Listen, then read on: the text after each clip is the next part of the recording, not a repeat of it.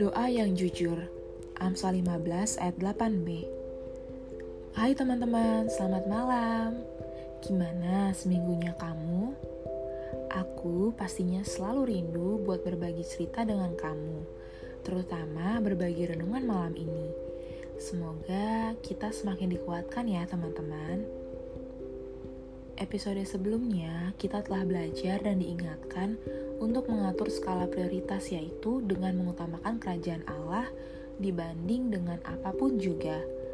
Dan dalam melakukannya, kita nggak bisa loh kalau cuma mengandalkan kekuatan dan kemampuan diri kita sendiri.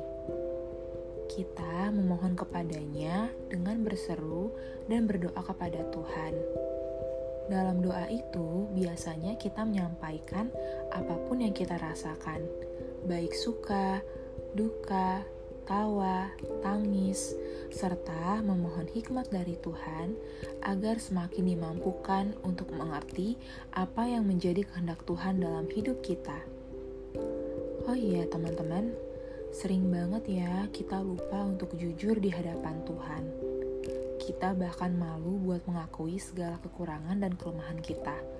Karena kadang kita tuh terlalu fokus sama permintaan dan kebutuhan kita aja ya teman-teman. Nah, teman-teman, dari renungan malam ini kita kembali diingatkan bahwa Tuhan berkenan kepada doa orang yang jujur. Kita bisa memaknai bahwa Tuhan dekat dengan orang-orang yang jujur. Teman-teman pasti tahu dong kalau Tuhan begitu memahami dan mengetahui apa pun yang terjadi dalam kehidupan kita.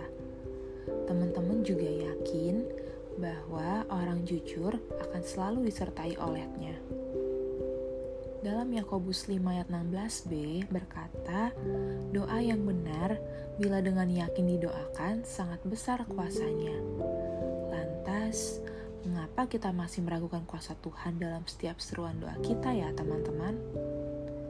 Kita harus merenungkan sudahkah kita jujur untuk setiap komunikasi, doa yang kita bangun, mohon dan sampaikan pada Tuhan? Yuk teman-teman, mari kita semakin mendekatkan diri pada Tuhan. Kita harus yakin dan imani bahwa penglihatan Tuhan pasti tertuju pada orang-orang benar dan pendengaran Tuhan selalu mendengar ucapan syukur, seruan, dan permohonan bagi mereka yang minta pertolongan kepadanya. Selamat beristirahat teman-teman. Tuhan Yesus mengasihimu.